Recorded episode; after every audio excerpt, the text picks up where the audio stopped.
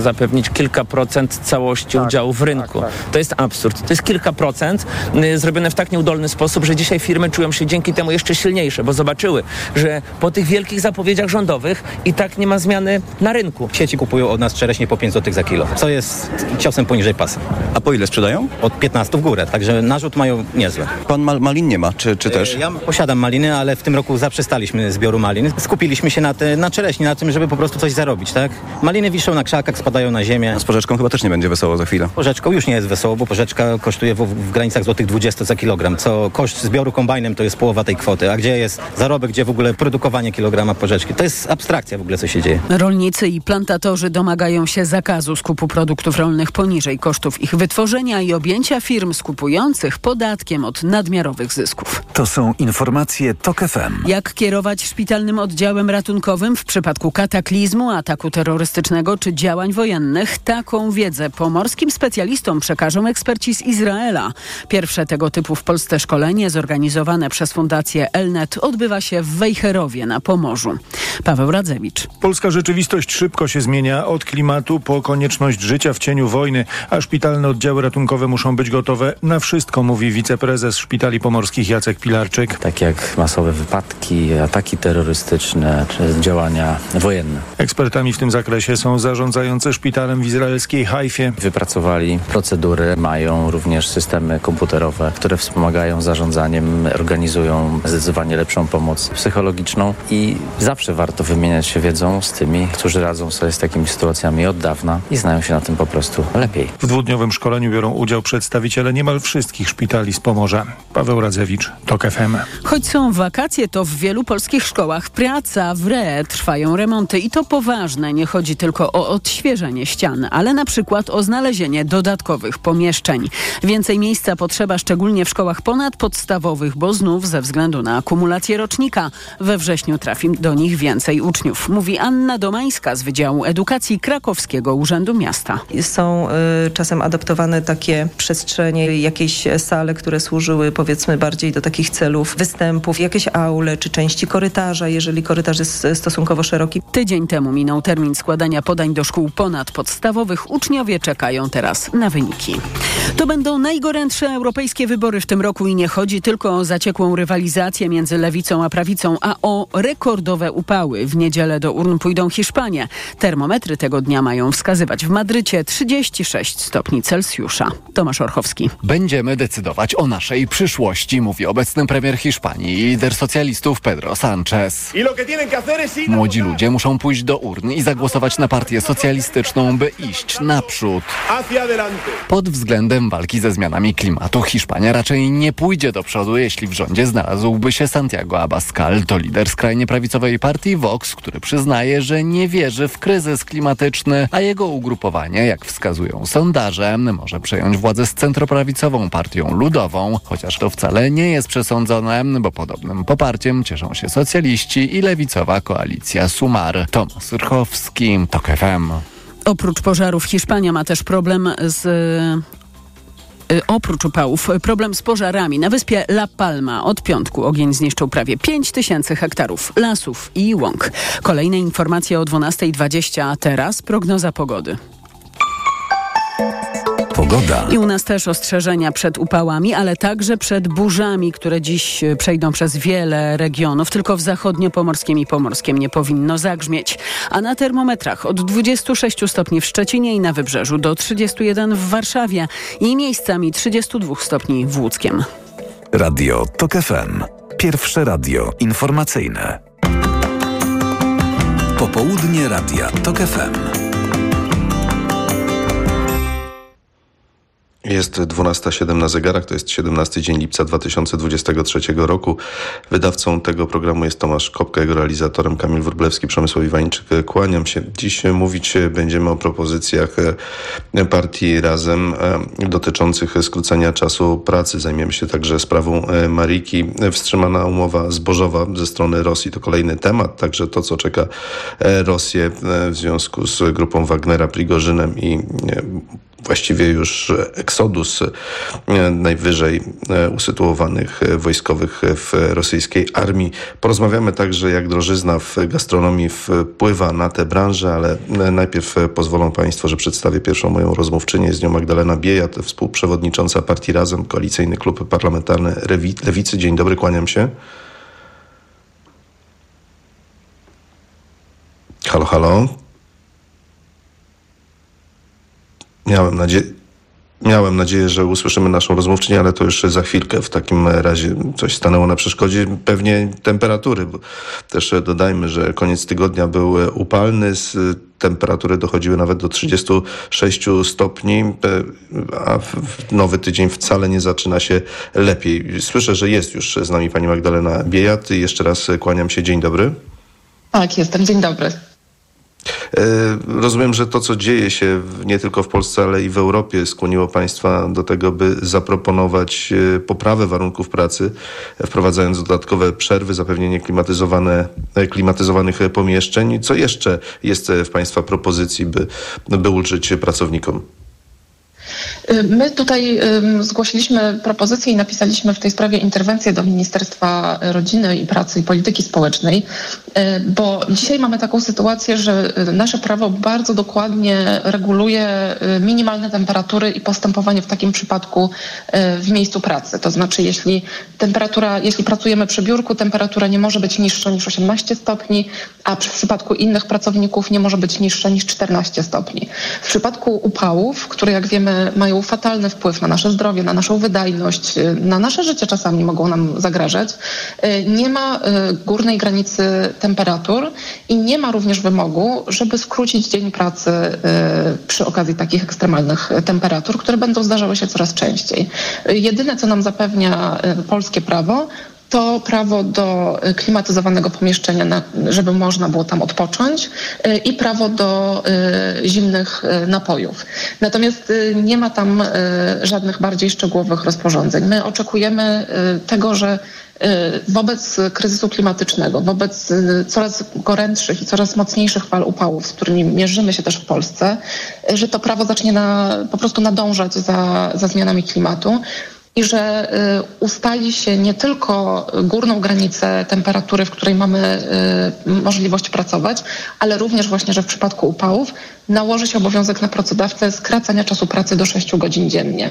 No bo po prostu, y, zwłaszcza jeśli pracujemy fizycznie, ale nie tylko. W takich upałach y, zwyczajnie nie da się pracować, a w wielu miejscach pracy po prostu nie ma możliwości ucieczki od upału. Więc y, z troski o pracowników zwróciliśmy się do ministerstwa o, o zmianę przepisów w tej sprawie. No, rozumiem, że Państwu chodzi przede wszystkim o uszczegółowienie tego, tych przepisów uszczegółowienie, ale również nałożenie pewnych obowiązków na pracodawców, bo dzisiaj jest tak, że przepraszam, dzisiaj cały dzień w Sejmie gadam.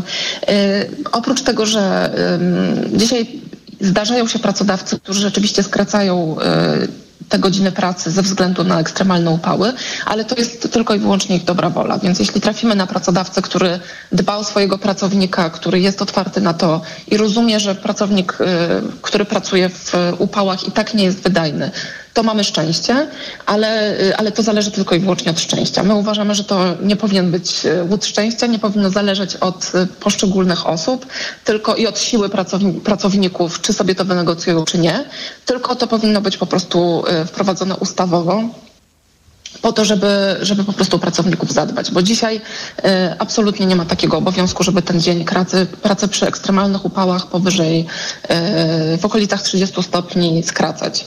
Oczywiście docelowo jesteśmy za tym, żeby w ogóle skracać y, dzień pracy, żeby pracować w ogóle godzinę mniej w każdych warunkach i jak Państwo na pewno wiedzą, złożyliśmy taką ustawę która wprowadziłaby w ogóle skrócony tydzień pracy, bo uważamy, że w ogóle w Polsce pracujemy za dużo. Natomiast, natomiast dzisiaj przede wszystkim y, w, w, kontekście tych upałów y, w ramach ochrony pracowników wnosimy o, o skrócenie tego dnia pracy przynajmniej na czas upałów. A może odwołać się do przepisu dotyczącego mrozów y, i per analogiam go zastosować, bo, bo on jest, zdaje się, dość precyzyjny i też dość jasno mówi, jak, jakie są zasady postępowania. Tak, oczywiście. Można by to zrobić e, analogicznie. E, jakby są sposoby i są, e, są są metody, które można zastosować, które już funkcjonują w polskim prawie, tylko właśnie no, wygląda na to, te, te przepisy pochodzą w większości z lat 90., kiedy problemem raczej w Polsce były właśnie ekstremalne temperatury zimą, a nie latem. Dzisiaj niestety wszyscy to odczuwamy. Sytuacja się gwałtownie i dramatycznie zmieniła. Lata, zimy mamy ciepłe, a lata mamy coraz gorętsze i to niestety nie będzie wcale lepiej, będzie tylko gorzej i czas, żeby polskie prawo zaczęło nadążać za tymi zmianami, bo to też jest dość absurdalne, że od lat 90. nikt się tym nie zajął. Mamy 2023 rok, o problemach z falami upałów mówimy od lat i trzeba żeby, trzeba, żeby pomyśleć nie tylko o tym w kontekście oczywiście jak bar bardzo potrzebnej walki z, ze zmianami klimatycznymi, walki o transformację energetyczną, ale też takimi zupełnie codziennymi przyziemnymi być może dla niektórych, ale kluczowymi sprawami, jak właśnie zadbanie o pracowników.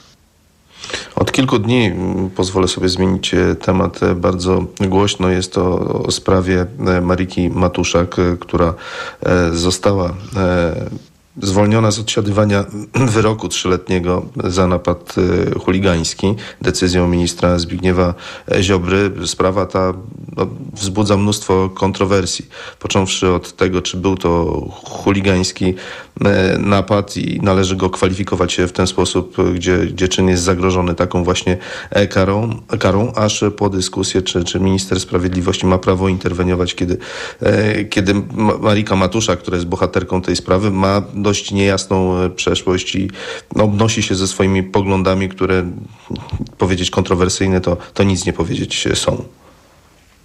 Tak, no to jest też bardzo symptomatyczne, że pan minister Ziobro na sztandary wziął sprawę y, pani Mariki, a nie zajmuje się już jej kolegą, z którym dopuściła się tego czynu, który już nie jest tak wdzięcznym bohaterem do obrony. Przepraszam, wejdę pani w słowo. Być może nie wszyscy znają ten kontekst. W sierpniu 2020 roku podczas Marszu Równości, to było w Poznaniu, pani Marika Matuszak, a także Michał Ostrzycki, bo ich nazwiska są publikowane w mediach, napadli na kobietę noszącą torebkę w barwach tęczy, próbowali wyrwać tę torebkę, szarpali ją, popychali, co doprowadziło do, do uszczerbku na zdrowiu.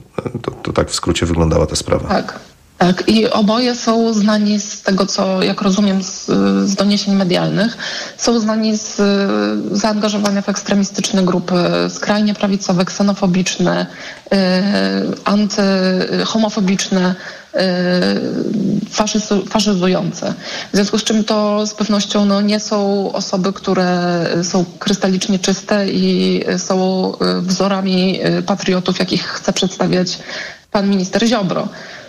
Czy uważam, że taka dziewczyna za taki czyn powinna zostać skazana na trzy lata więzienia? Nie znam akt sprawy oczywiście, ale wydaje mi się to rzeczywiście karą dość surową, która może prowadzić raczej do radykalizacji takiej młodej osoby, niż do tego, żeby ją jakoś rzeczywiście zmusić do refleksji. Natomiast no, zdaje się, że sąd nie mógł postąpić inaczej, biorąc pod uwagę, pod uwagę widełki kary, które są przewidywane za takie czyny.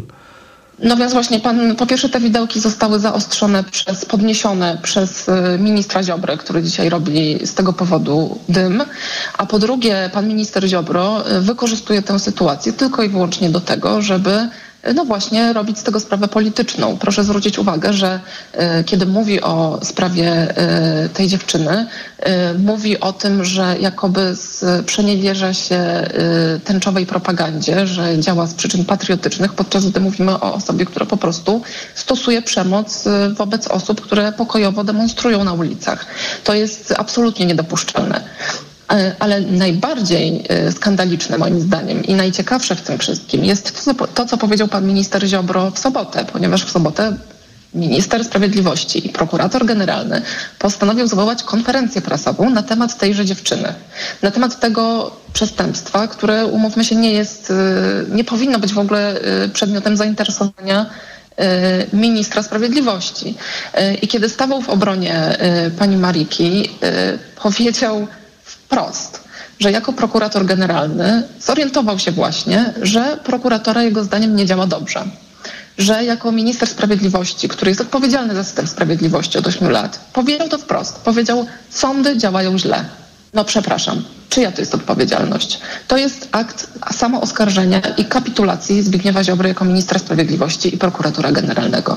I oczywiście sądy działają źle, ale nie dlatego, że wyda nie wydają takich wyroków, jakby sobie życzył pan minister Ziobro, tylko działają źle dlatego, że wydłużają się postępowania, dlatego, że y, matki samodzielne, które nie mogą się doprosić alimentów, y, nie mogą, y, nie są w stanie ścigać swoich y, byłych partnerów o zaległe alimenty, a dług alimentacyjny rośnie z roku na rok w sposób niebotyczny, dlatego że pracownicy, którzy, y, którym nie wypłacają pracodawcy zaległych y, nie są w stanie się dobić o y, tę wypłatę, bo od lat są Musimy coraz dłuższe powoli. postępowania sądowe.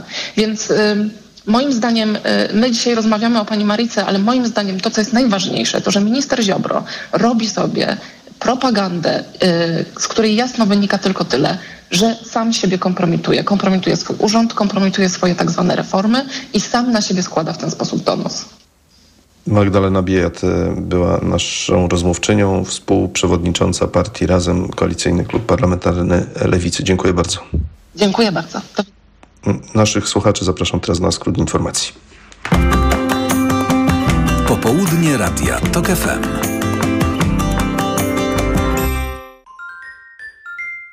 Ekonomia to dla Ciebie czarna magia. Masz kapitał i nie wiesz jak go zainwestować? Gubisz się w pomysłach polityków na gospodarkę? Magazyn EKG w TOK FM. Wyjaśniamy, informujemy i podpowiadamy. Od poniedziałku do piątku, po dziewiątej.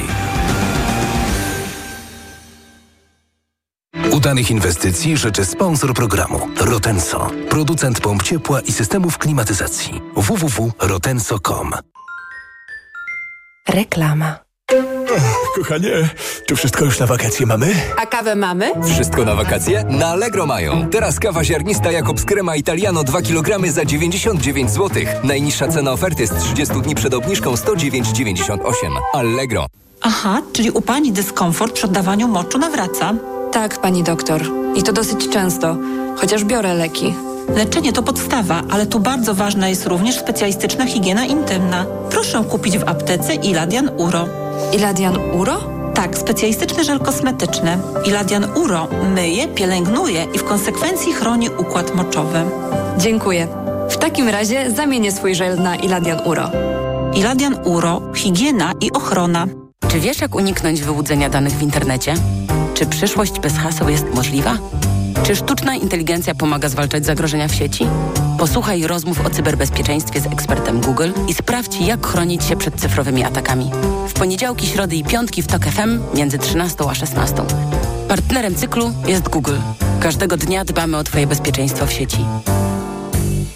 Dziś w Wyborczej duży format. Pracował jako kucharz w knajpie niedaleko rodzinnej wsi za 3,50 za godzinę. Teraz jest szefem kuchni jedynej w Polsce restauracji wyróżnionej dwiema gwiazdkami Michelin. Rozmowa z Przemysławem Klimą dziś w Wyborczej i na wyborcza.pl. W BMW do kreowania lepszego jutra napędza nas odwaga i pasja tworzenia. To dzięki nim od lat dajemy radość z jazdy. To ona nas wyróżnia. Teraz odkryjesz ją bez kompromisów w promocyjnym leasingu 0% na wybrane modele. Wybierz BMW Serii 3, biznesową limuzynę z panoramicznym ekranem dotykowym lub BMW X3, miejskie auto o terenowym obliczu. Szczegóły w salonach i na bmw.pl. BMW. Radość z jazdy. Reklama. Radio TOK FM. Pierwsze radio informacyjne. Informacje TOK FM. 12.22 Elżbieta Mazur-Bielat. Umowa o eksporcie ukraińskiego zboża przez Morze Czarne już nie obowiązuje. Rosja wstrzymała swój udział w porozumieniu, podaje agencja Reutera. Rzecznik Kremla oświadczył, że Moskwa wróci do realizacji umowy, gdy spełnione zostaną warunki dotyczące Rosji. Umowa zbożowa gwarantująca bezpieczny eksport zboża i nawozów z Ukrainy przez Morze Czarne została zawarta rok temu przez Ukrainę, Rosję, Turcję i ONZ.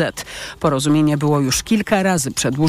Po ostatnim takim przedłużeniu termin obowiązywania wyznaczono na dziś. Więcej o umowie zbożowej już za chwilę. Gościem Przemysława Iwańczyka będzie profesor Agnieszka Legucka z Polskiego Instytutu Spraw Międzynarodowych. Dwie osoby zginęły w pożarze kampera na parkingu przed jednym z bloków w Ełku w Warmińsko-Mazurskiem. Rano strażacy znaleźli wewnątrz ciała 34-letniego mężczyzny i 29-letniej kobiety. To mieszkańcy województwa dolnośląskiego.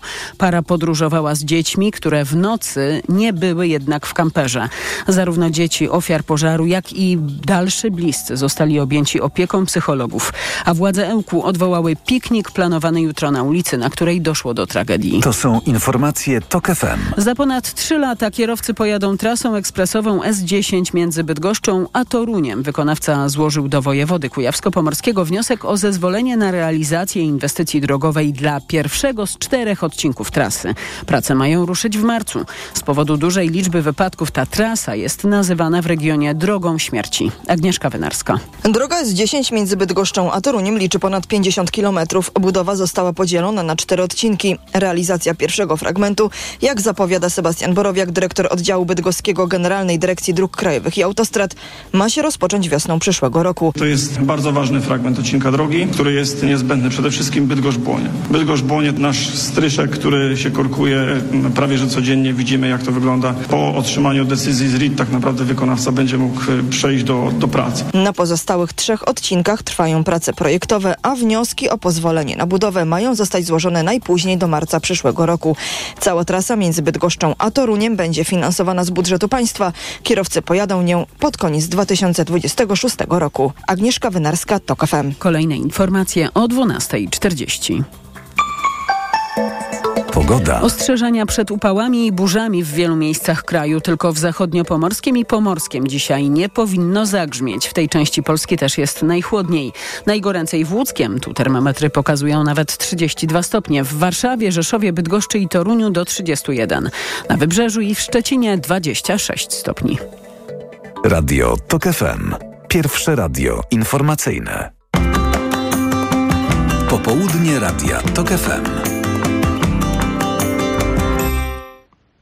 Jest 12.24, a z nami jest profesor Agnieszka Legucka z Polskiego Instytutu Spraw Międzynarodowych. Dzień dobry pani profesor. Dzień dobry panu, dzień dobry państwu. Kilkanaście, kilkadziesiąt minut temu Rosja poprzez swojego Kreml poprzez swojego rzecznika poinformował o tym, że została wstrzymana umowa zbożowa, która umożliwiała eksport ukraińskiego zboża przez Morze Czarne.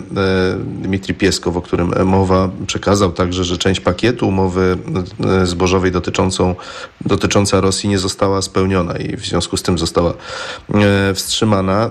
Pytanie, czy to rzeczywiście te przesłanki o tym zdecydowały, czy jednak eksplozje na moście krymskim, gdzie Rosja mówi o ataku terrorystycznym ze strony ukraińskiej i to spowodowało, że, że, że ostatecznie umowa nie może być realizowana. Co wreszcie wstrzymanie tej umowy oznacza?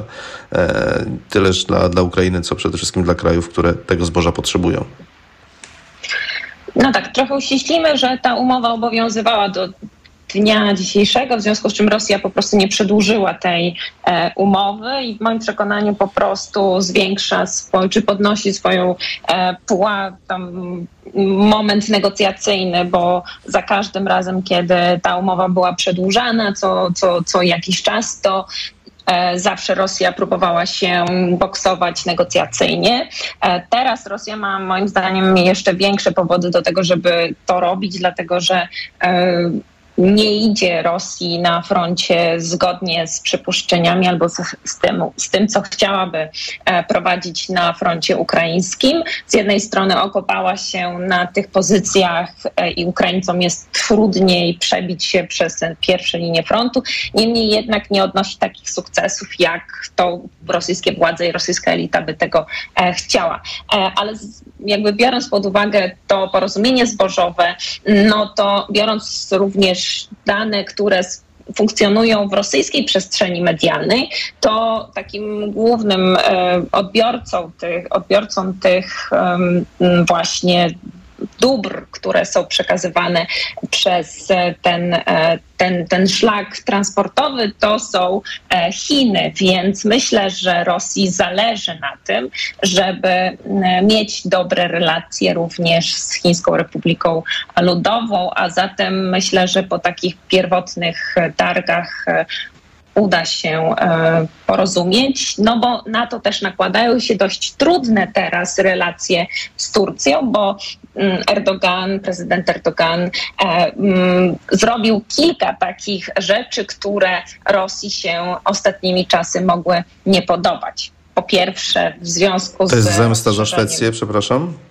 No właśnie, pierwsza rzecz zgoda na rozszerzenie NATO, druga rzecz to są pewne targi, targi na Kaukazie Południowym. Turcja tradycyjnie sojusznik Azerbejdżanu, ale jednocześnie taki, takie państwo, które obecnie, mam wrażenie, e, trochę próbuje swoich sił z, jednego, z jednej strony wchodzenia w rewir dotychczasowych wpływów rosyjskich na Kaukazie Południowym, a z drugiej strony mm, pozwalającego na to, żeby rosyjskie wpływy mogły się tam e, osłabić. Więc Erdogan e, od jakiegoś czasu stara się przechylić szale na stronę nie tyle e, Zachodu, bo Erdogan prowadzi taką politykę e, wielowektorową i często zmienia swoje pozycje, więc niewykluczone, że za chwilę będziemy mieć e, odwrót z kolei na wschód, ale teraz wydaje się, że właśnie Rosja ma taki instrument również wpływu na to, żeby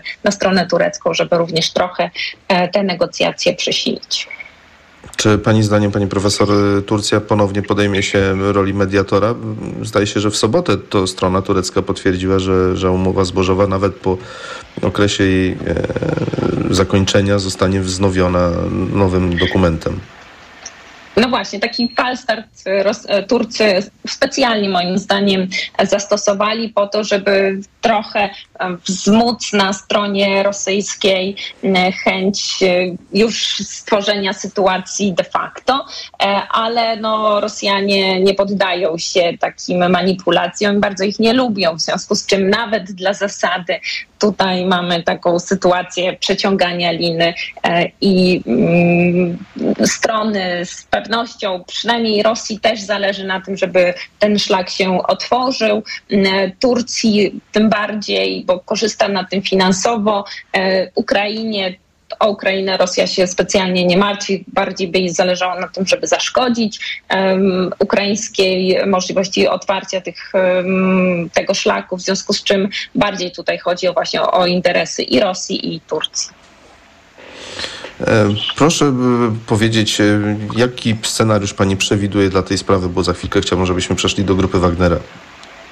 No myślę, że po mm, takich pierwotnych targach i podnoszeniu um, takich um, pewnych elementów, które, na którym Rosji bardziej zależy, e, kwestia wizerunku Rosji jako tego dostawcy dóbr dla Afryki, chociaż Afryka jest jakimś tam na ostatnim miejscu, jeżeli chodzi o dostawy zboża, natomiast w przestrzeni medialnej taki uknął się wizerunek, to Rosja będzie chciała wystąpić jako ten jeden jednak mediator, znaczy nie mediator, ale strona, która jednak występuje z pozycji e, takiego pozytywnego gracza dla globalnego południa i dla Chin. Przejdźmy zatem do grupy Wagnera. Odnotowuje się, że na Białorusi przybywa, na Białoruś przybywają kolejne kolumny aut grupy Wagnera. Tym razem chodzi o 20 pojazdów w rejonie Osipowicz w obwozie mochylewskim. Co ta aktywność może, może oznaczać i w jaki sposób ona jest zagrażająca chociażby Polsce? No ja tutaj odczytuję przede wszystkim działalność grupy Wagnera i mm, buntu Prigorzyna, mm, tego, który rozpoczął całe to zamieszanie, czyli kierującego grupą Wagnera, taką mm, formacją zbrojną, e, można by było traktować jako coś, co będzie oddziaływać na destabilizację wschodnie, wschodniej flanki NATO, z jednej strony jako działania hybrydowe, ale także coś, na co powinny państwa NATO się przygotować, czy też w kontekście obrony e, granicy i coś, czym e, do końca jeszcze nie wiemy, jakie mogą być skutki, ale chciałabym zaznaczyć, że cały czas będziemy się poruszać w przestrzeni bardziej dezinformacji, pewnej propagandy i pewnego teatrum, które za którym z jednej strony często stał Jewgeni Prigorzyn, posiadając z jednej strony farmy troli, blogerów i kształtując pewną, można by było powiedzieć, atmosferę strachu wobec Rosji, a, a teraz to przenosi się do naszych e, granic. Więc my pewnych informacji nie będziemy znać konkretów, natomiast będzie e, wobec Zachodu, a w szczególności wobec Polski i Litwy, będzie używana ta operacja jako pewien element działań właśnie hybrydowych, czyli taka, takich elementów, do których my nie będziemy znać do końca e, faktów, a jednocześnie Aleksandr Łukaszenka, który pokazuje Polskę i Litwę jako tych te państwa, które prawdziwie zagrażają, tak to on to podkreśla, zagrażają bezpieczeństwu Białorusi, e, to ten element właśnie takiej operacji, e, jakbyśmy powiedzieli, służb specjalnych tutaj taki może być właśnie wykorzystywany w tym kontekście właśnie grupa Wagnera, aczkolwiek przyszłość grupy Wagnera to jest nie tylko Białoruś, ale w kontekście e, przyszłości samego Prigorzyna to jest bardziej złożona e, kwestia, bo dotyczy tego, co się stanie z grupą Wagnera w Rosji, z tego, co się stanie z grupą Wagnera w Afryce i na Bliskim Wschodzie. Więc to jest bardziej skomplikowany wachlarz spraw. Czy wierzy Pani w doniesienia, że coraz e, więcej wysokich stopniem wojskowych e, wypowiada lojalność e, no, Władimirowi, Władimirowi Putinowi pośrednio, ale, ale przede wszystkim swoim zwierzchnikom i są, i są to przywódcy tych oddziałów, e, które odgrywają kluczową rolę w tej wojnie? Znaczy, mamy do czynienia z pewnym procesem erozji systemu putinowskiego, którego emanacją był bunt Prigorzyna. I mm, to, co wcześniej miało być, było przyklepywane i mieliśmy wrażenie takiego pewnego monolitu, jeżeli chodzi o system putinowski, który opierał się właśnie na strachu, na polityce represji względem własnego społeczeństwa i jednocześnie strachu na zewnątrz postaci, nie wiem, szantażów różnego typu, łącznie z jądrowym, nuklearnym, to teraz e, ten system z racji mm, braku sukcesów, żeby nie powiedzieć mocniej porażek na froncie ukraińskim, on się kruszy. A jeszcze po buncie Prigorzyna e, ten system zaczął być postrzegany jako dziurawy również w kontekście bezpieczeństwa wewnętrznego. A zatem takie sytuacje jak to, że elita nie jest e, zgodna do tego, czy bezpieczeństwo wewnętrzne jest zapewnione, a także w ramach armii rosyjskiej pojawiają się głosy, jak tego generała, który, Iwana Popowa, który um, zrezygnował, znaczy został zwolniony z stanowiska, tak przynajmniej na ten moment y, jest twierdzone z, przez Walerię Gerasimowa, ponieważ wyciekły do mediów informacje, że on żalił się na, to, na temat tego, w jaki sposób jest prowadzona kampania wojenna, czyli że właśnie dowództwo popełnia szereg błędów, powtarzając dokładnie mniej więcej w tym samym charakterze to, co mówił Jewgeni Prigorzyn wcześniej, że rosyjska armia mm, nie tyle popełniła bardzo duży błąd wchodząc do Ukrainy, bo on to powiedział na samym końcu, ale jednocześnie rosyjska armia ponosi szereg porażek, ponieważ jest bardzo źle zarządzana na froncie ukraińskim. W związku z czym e, system dowodzenia się e, zaczyna e, chwiać, ale moim zdaniem do tej pory po prostu on był zasłonięty taką, e, można powiedzieć, zasłoną milczenia, a teraz pewne rzeczy po prostu wychodzą po buncie Prigorzyna. Dziękuję bardzo. E, profesor Agnieszka Legucka była z nami z Polskiego Instytutu Spraw Międzynarodowych. Kłaniam się i pozdrawiam. Pozdrawiam. Państwa zapraszam na informacje. Popołudnie Radia TOK FM. Autopromocja. Podziemie. Nowy serial radiowy. Tok FM. Zaprasza Michał Janczura. Podziemie to jest świat stworzony po to, by zarabiać na strachu. W podziemiu nie obowiązują reguły świata nauki i medycyny. Podziemie to wreszcie idealnie zorganizowany biznes. Ludziom, którzy nigdy nie chorowali na boreliozę albo dawno ją pokonali, wmawia się, że muszą latami łykać dziesiątki antybiotyków, suplementów i ziół. Pacjenci płacą, wyniszczają siebie i są zagrożeniem dla innych. Podziemie. Pierwszego odcinka posłuchaj już dziś za darmo w aplikacji mobilnej TOK FM. Autopromocja. Reklama. Aha, czyli u pani dyskomfort przy oddawaniu moczu nawraca? Tak, pani doktor. I to dosyć często, chociaż biorę leki. Leczenie to podstawa, ale tu bardzo ważna jest również specjalistyczna higiena intymna. Proszę kupić w aptece Iladian Uro. Iladian Uro? Tak, specjalistyczny żel kosmetyczny. Iladian Uro myje, pielęgnuje i w konsekwencji chroni układ moczowy. Dziękuję.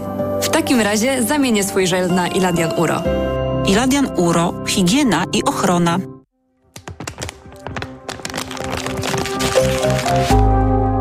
W muzyce każdy dźwięk ma znaczenie. W życiu nawet drobne wybory. Dlatego ograniczam zużycie plastiku, a na zakupach szukam produktów bardziej przyjaznych środowisku. Czujesz klimat? Wejdź do Rossmana i na www.rossman.pl. Wybieraj lepiej dla planety. Artur Rojek, ambasador Czujesz Klimat. Rossmann. Castoramie mówimy, chcesz 200 zł? To masz 200 zł. I do tego wymarzone płytki. Bo kupując trwałe gresy, modne glazury czy płytki elewacyjne dostaniesz 200 zł na kartę podarunkową za każdy wydany tysiąc. Tylko do środy. Przyjdź do sklepu lub wejdź na castorama.pl i skorzystaj z promocji. Szczegóły w regulaminie w sklepach i na castorama.pl. Joanna Krupa wybrała buty Skechers Archfit. Jako modelka wiem, że ładne buty nie zawsze są wygodne. Czasami zdarzają się wyjątki i dlatego zakochałam się w Skechers Arch Fit. Certyfikowane przez podiatrów. Wsparcie łuku stopy zapewnia całodzienny